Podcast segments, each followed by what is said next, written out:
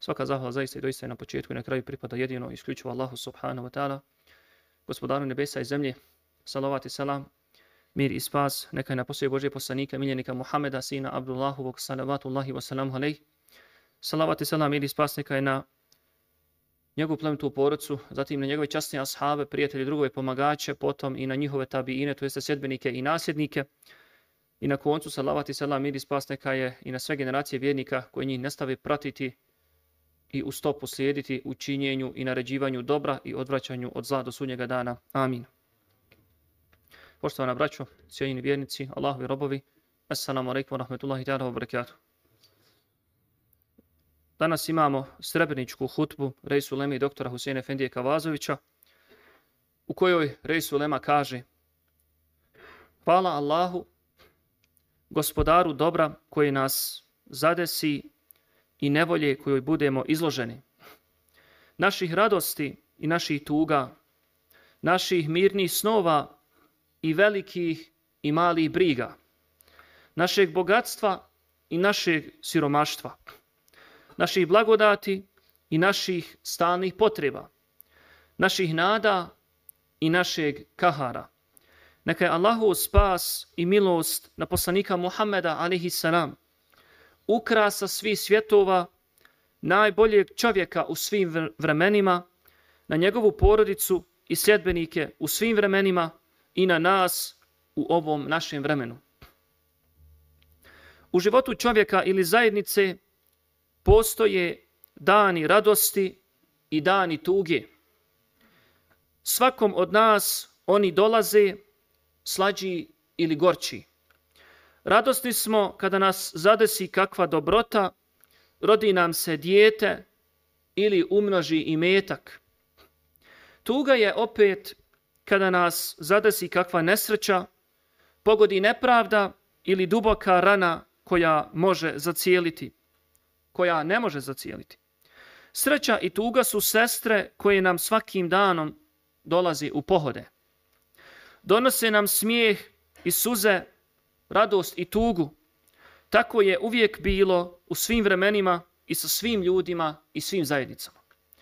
I za nas su dani Kurban Bajrama u kojima smo se podsjetili na veličanstvena kazivanja o Ibrahimu i Ismailu alaihimassalam, a ispred nas je 11. juli, dan sjećanja na žrtve genocida u Srebrenici.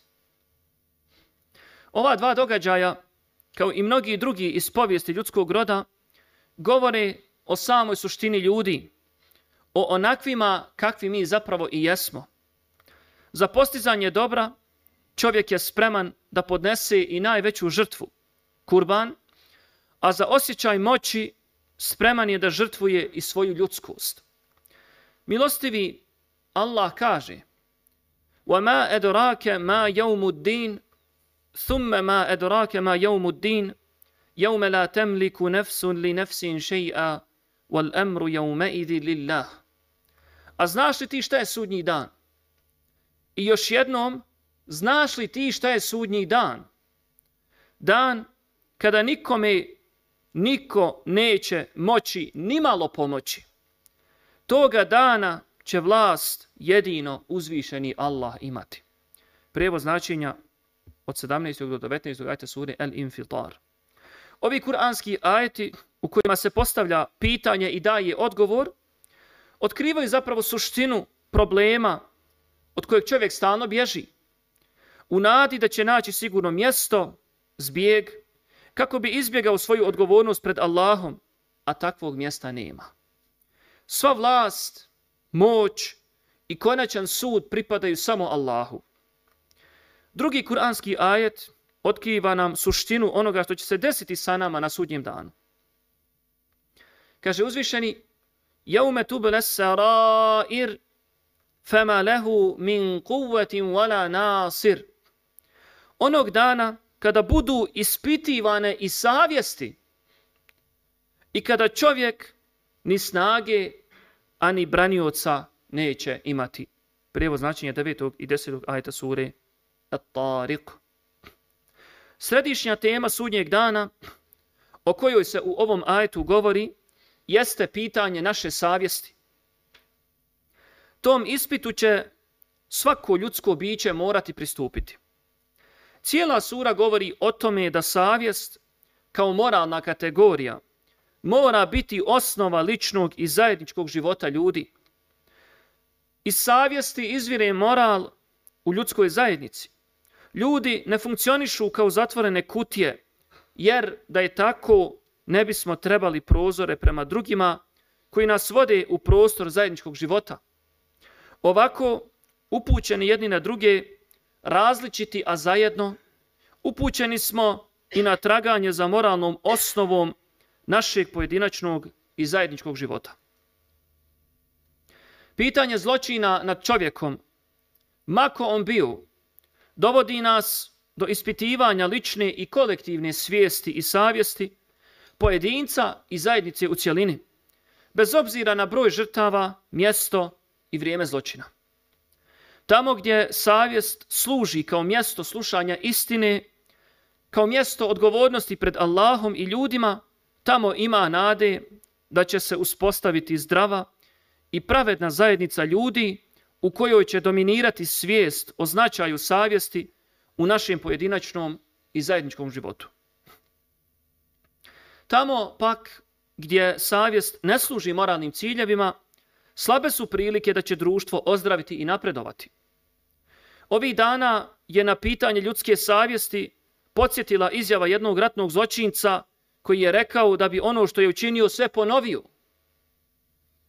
Reakcija zajednice na ovaj istup bila je podijeljena, što nam govori da kao vjernici moramo poraditi na ispitivanju i jačanju naše i personalne i zajedničke savjesti, jer nas ona kao Božiji dar kojeg trebamo stalno da razvijamo, upravo drži da ne potonemo u grijeh i zločin. Zločin genocida u Srebrenici, ali i drugi zločini, jesu pitanje krivične odgovornosti počinioca, ali i pitanje savjesti i morala svakoga od nas. Jer se svih nas taj zločin tiče sa moralnog aspekta našeg vjerovanja.